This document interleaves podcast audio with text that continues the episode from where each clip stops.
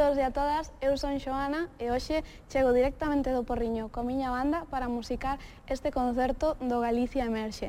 Veño co meu primeiro disco que se chama Dardos e un traballo feito íntegramente en lingua galega. É o meu primeiro proxecto musical e a miña primeira aposta por unha carreira profesional, así que me fai moita ilusión poder estar aquí e que escoitedes as miñas cancións e estas letras que veñen da man da, da miña nai que escribiu os, os distintos temas do disco.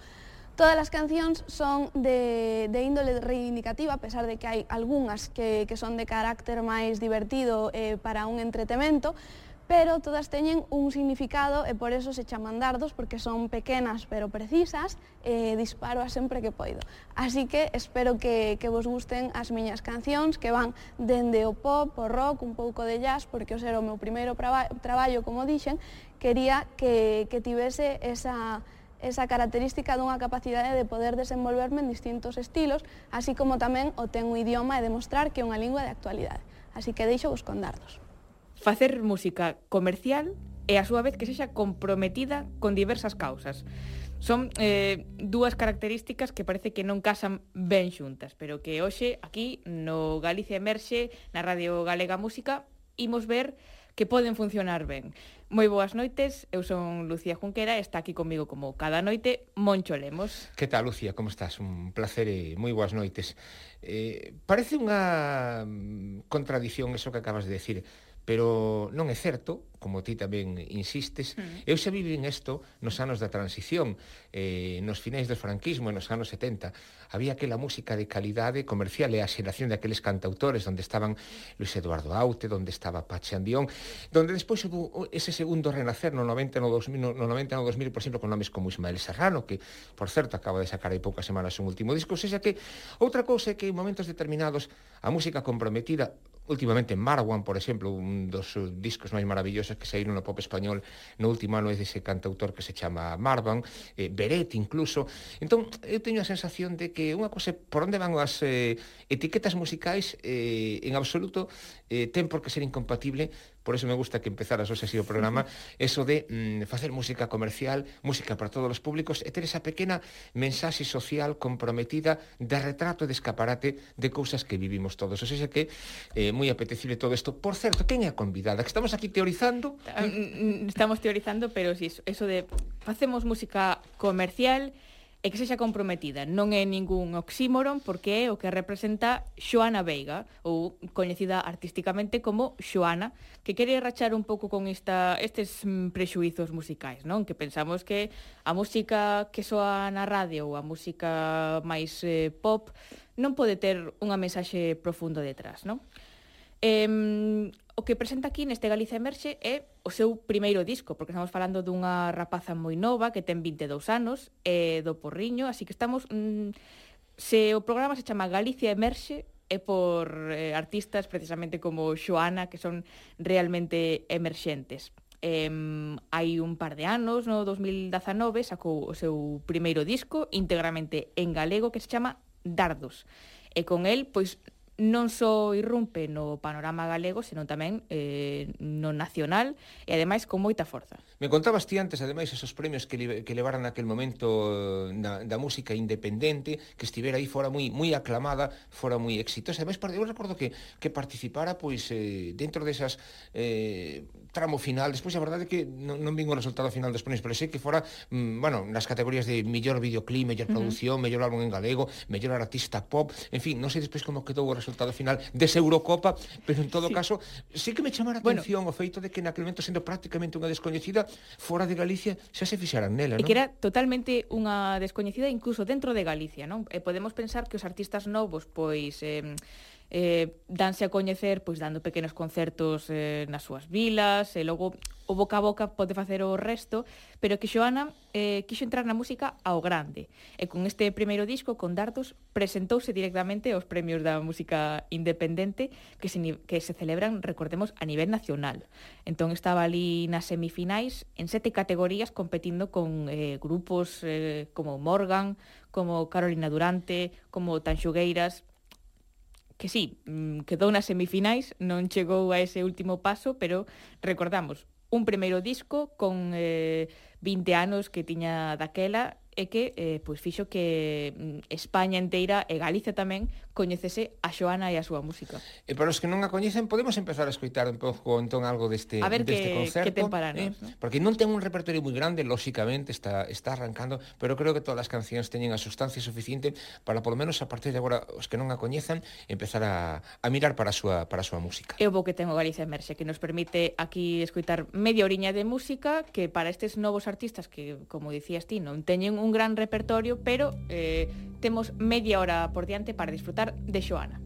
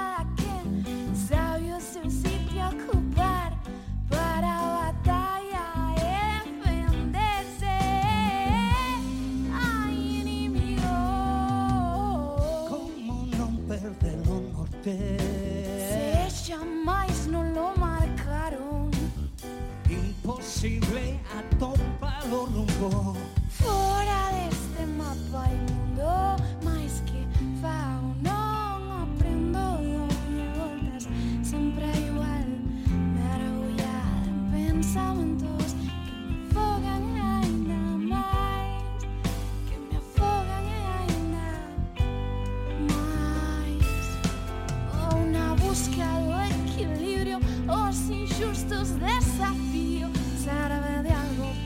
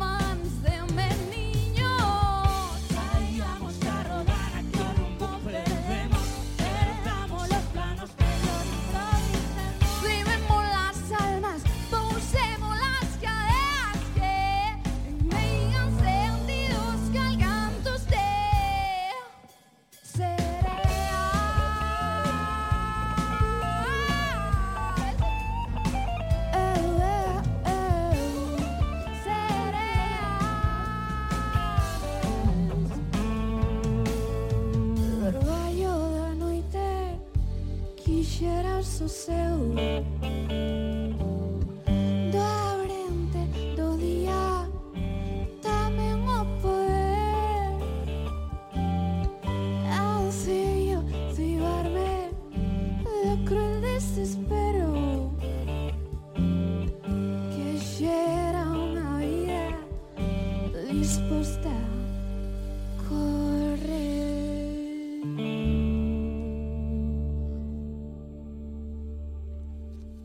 Estamos aquí no Galicia Emerxe escuitando a Xoana con este seu primer disco que se chama Dardos.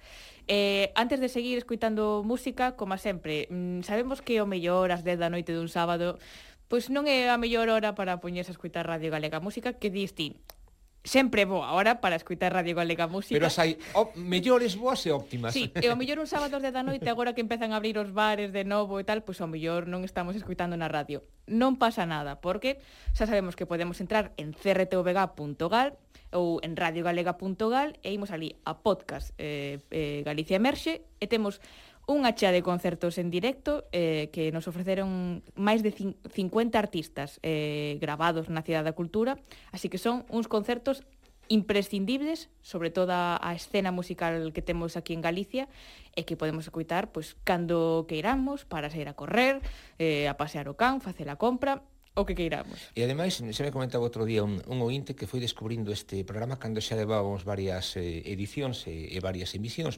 Entón, eh, me decía que estaba disfrutando muitísimo daqueles programas que non puidera, como ti decías, escoitar eh, a esta hora de, de emisión lineal, e que entón estaba recuperando no podcast non só os artistas máis coñecidos. Uh -huh. os artistas, non sei, menciono alguén, por exemplo, pois eh, Xoel López, non? Eh, sino que as artistas que mellor únicamente tiña unha pequena referencia pois na xenda de ocio do xornal da, da súa cidade. Pois que un día actúa en, en, en tal bar fulanita, que outro día actúa en tal sitio. Entón, está descubrindo moitos destes artistas que, bueno, que únicamente coñecía polo seu nome, por ver na xenda que, como moito, bueno, escoitara 30 segundos, 40 segundos dunha canción uh -huh. desas que poñemos ás veces na radio para ilustrar pois unha unha xenda. Entón, que era así como moi moi eh, moi apetecible. Eh, mm, precisamente supoño que co caso de Xoana vai pasar esta semana a, a moita xente que a coñece dese percorrido que leva xa mm, varios meses facendo facendo ou estivo facendo hasta a pandemia por distintos lugares, por distintos bares e, e, e, e asociacións que de pronto vai a se descubrir pois unha muller que aparte das súas letras ten esa música maravillosa donde hai influencias do pop, do jazz, do folk, eh, da música funky, e unha muller para, para seguir a pista, e todo que ten con un poquinho de sorte de percorrido por diante, porque é novísima e se apunta a maneiras, formas e, sobre todo, personalidade. Así que recordamos que o Galicia Emerxe é un, un arquivo maravilloso para agora que comeza mm, a, a época de festivais, ou mellor non como recordábamos, pero sí comezan os festivais, non? E dicimos, temos estes cabezas de cartel que non fai falta presentar, pero quero saber quen son estes outros artistas que sí que son galegos, que o mellor me soan de algo, pero que realmente nunca escoitei. Entón, como sei se me gustan, se os vou disfrutar ou non? Pois, indo a Galicia Emerxe, ali en radiogalega.gal e tes... Eh... Escoitas estos podcast que son 30, 35 minutos sí, de actuación sí. e a próxima vez que vexas como ti dis ese artista nun concerto sí, ou nun festival dis, ah, ah pois eu xa non vou ao bar, eh? non vou a facer unha pausa, senón que sigo vendo a esta a esta a esta voz en, en vivo en, en directo sí. que ten cousas que me que me van a que me van a gustar muitísimo e máis podes presumir diante dos amigos de que si ti si que o coñecías. E incluso datos curiosos, eh? Claro. Porque non, non nos limitamos a escutar música, senón que mm, entramos en profundidade na na na forma de de creación destes artistas. Non? Eh, recordamos que Xoana pois, é unha artista moi nova, ten 22 anos, está presentando o seu primeiro disco que se chama Dardos que son mm, dez cancións eh, protagonizadas pois cada unha pois, por un tema social, un tema político, sobre todo mm, destaca a defensa do idioma que ela fai, porque mm, o galego para Xoana é case pois eh, a razón da súa existencia musical, non? Mm, sabemos que mm, Xoana, pois que os seus pais a inculcaron en, en galego, pero que é unha lingua que foi perdendo pois na entrada do colexio, mm. no instituto. Presencia e visibilidade cando era xoven, cando era adolescente claro, notaba iso precisamente, non que, que que súas compañeras deixaban de falar, de falalo, a, a presenza do galego mm. na súa vida, non? E que logo comeza na universidade, que é outra etapa de redescubrimento do galego, non? Está estudando eh, eh, traducción e interpretación. Eh, ali na universidade redescubriu o galego e por iso quixo que este seu primeiro disco pois xa íntegramente en galego e defendendo o idioma. E ademais, como ti decías, eh, abordando aspectos sociais como, non sei, a xente, por exemplo, nova que tenga moitas veces que emigrar, eh, as mulleres víctimas de, de violencia de xénero, que tamén son temas moi recurrentes na uh -huh. súa eh, na, na, na poesía que, que canta en definitiva. Podemos escoitar algo máis, non? Imos a seguir escoitando a Xoana aquí no Galicia Emerxe.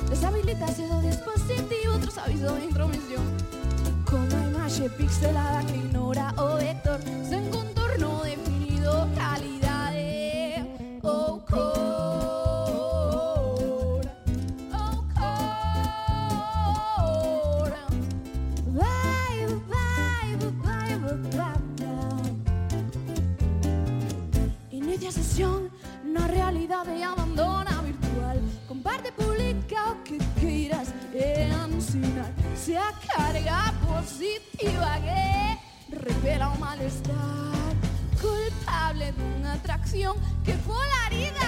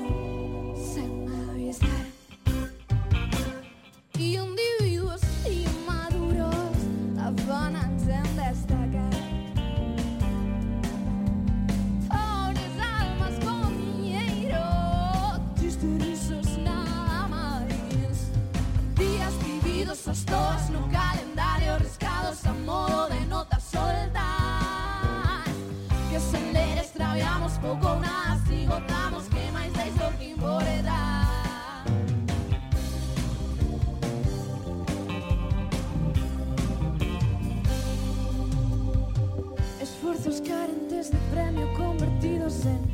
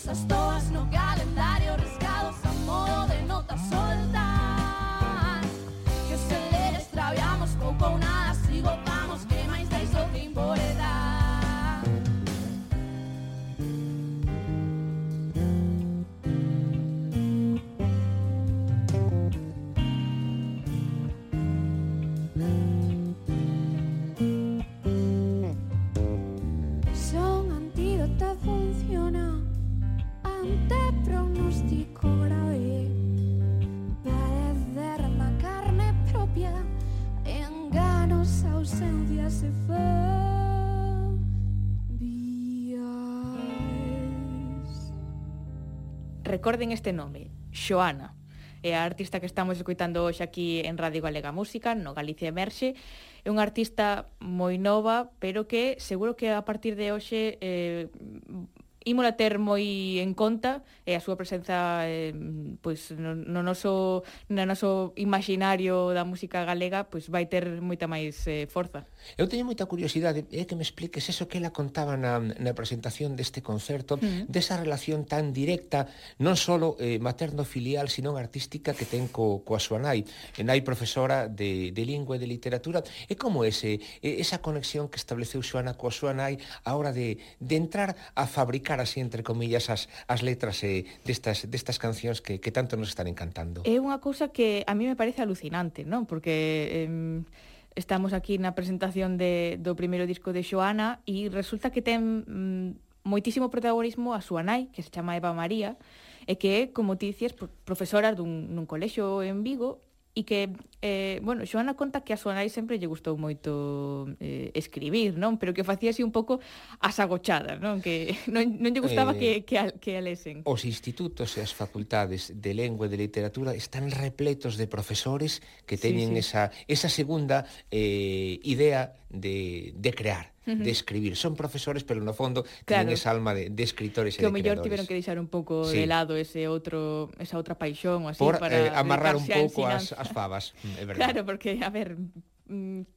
cando tes aí 20 anos e che di tú anai, estuda, que, que escribindo non vas chegar a ningún sitio. A vez outro día decía un escritor, decía que, bueno, que eh, sempre hai esa, esa dualidade do escritor profesional ou o escritor que ten outro oficio. El decía, defendía que o feito de ter outro oficio permite moitísima máis liberdade creativa, non cumplir esos plazos exixentes que moitas sí. veces tes cando de, eh, tes que centrarte única exclusivamente da literatura como os teus ingresos. Pero bueno, ese é un debate que fa, fazamos, eh, vou a falar con, con Carmen, eh, vou a facer, falar coa xente de, do, do programa do Diario Cultura un día facemos unha tertulia sobre esas circunstancias sígueme contando esa historia sí, tan sí. bonita de non, nada, de que está, está aquí Eva María que lle gusta moito escribir pero que nunca se animou a facelo profesionalmente eh, ni sequera deixaba que a súa filla ou a súa familia pois lese o que escribía non? pero mm, claro, de repente eh, ven a súa filla Xoana dicindo que quere pois eh, cantar, que quere dedicarse á música e o que fai Eva María pareceme pois moi bonito, non? Que é escribir as letras das 10 cancións que hoxe Xoana está presentando aquí no seu disco Dardos.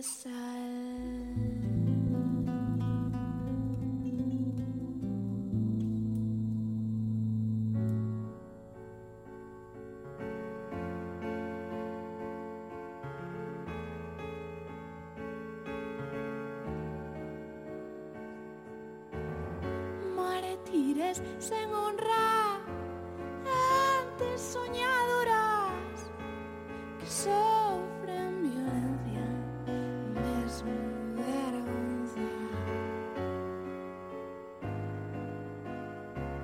sombras verdes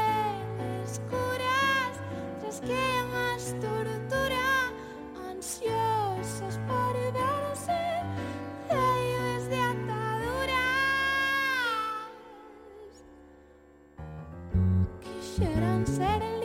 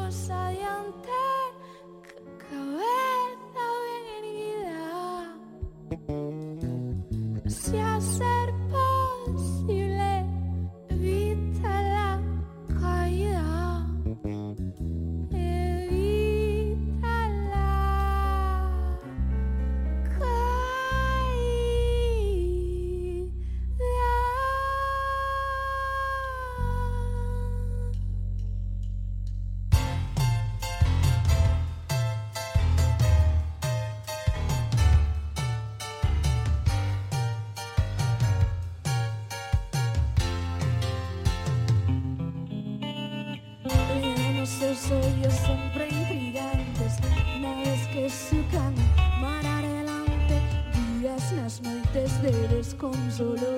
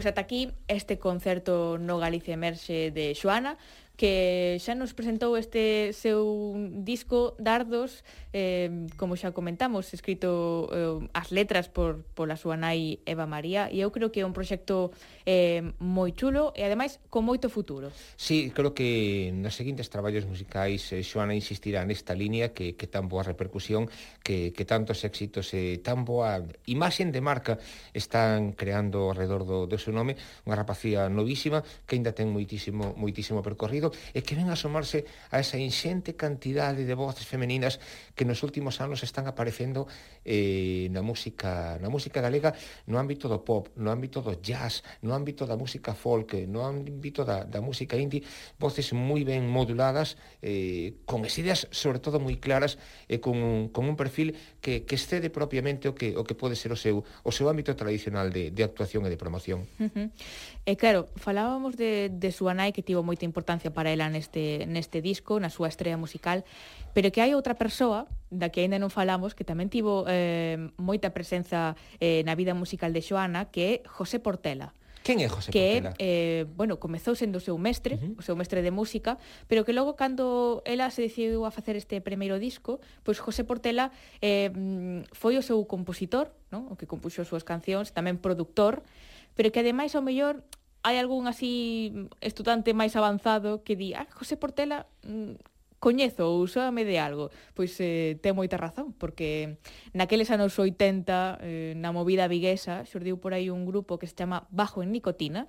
Sí, recordo que... algún, algún single, algún disco que había sí. da, daquela época deste grupo, pero bueno, a verdade é que non, non lembro o nome dos seus componentes. Pois o cantante guitarrista Ajá. era este José Portela, que hoxe ten así tamén o seu pequeno protagonismo a través de Xoa. O que, que por idade casi podría ser o seu, o seu pai xeracionalmente. Bueno, sí, claro, xeracionalmente sí, sí. Mm. Eh, podemos falar diso.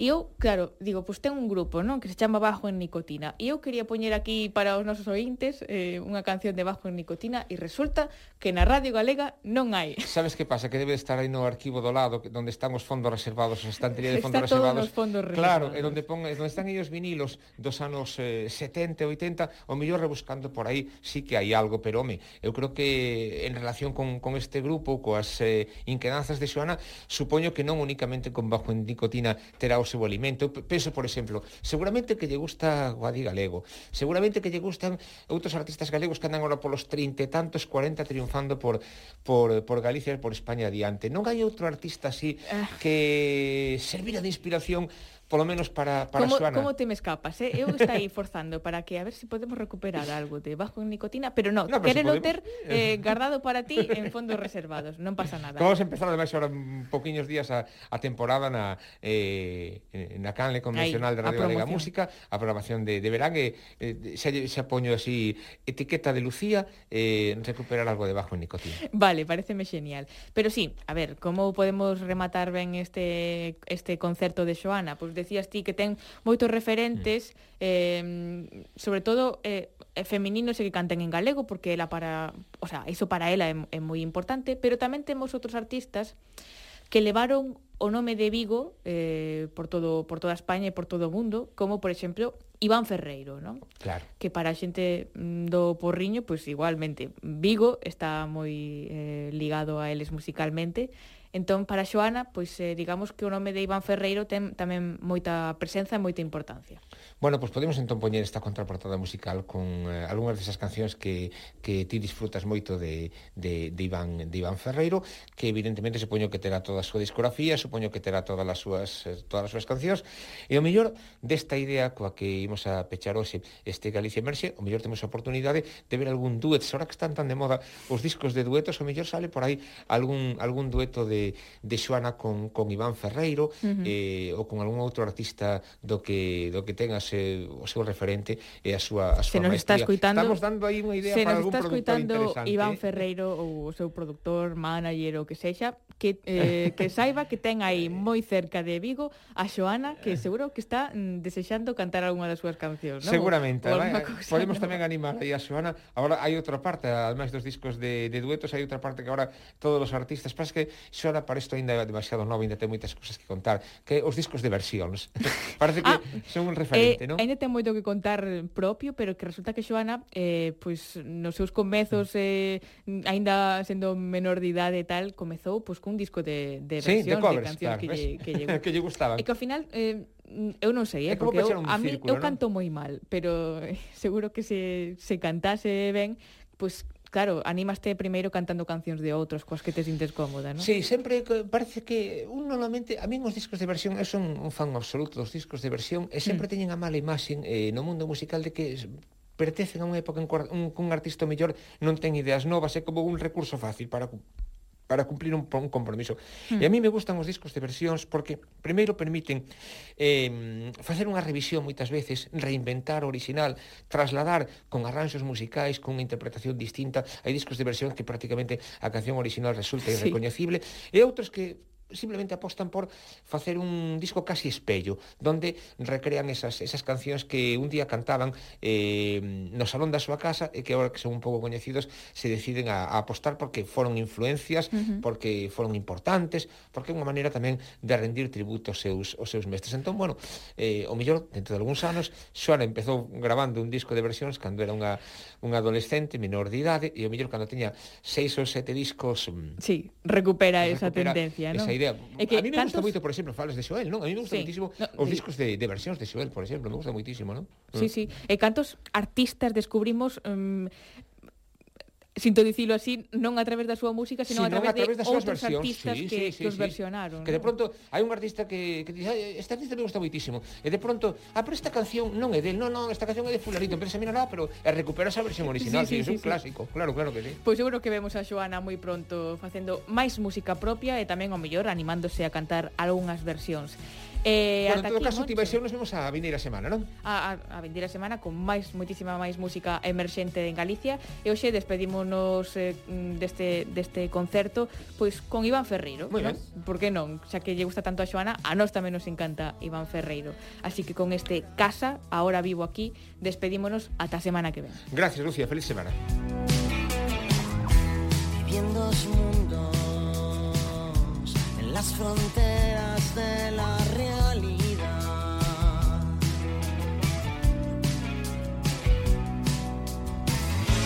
Ahora vivo aquí, sé que estaba solo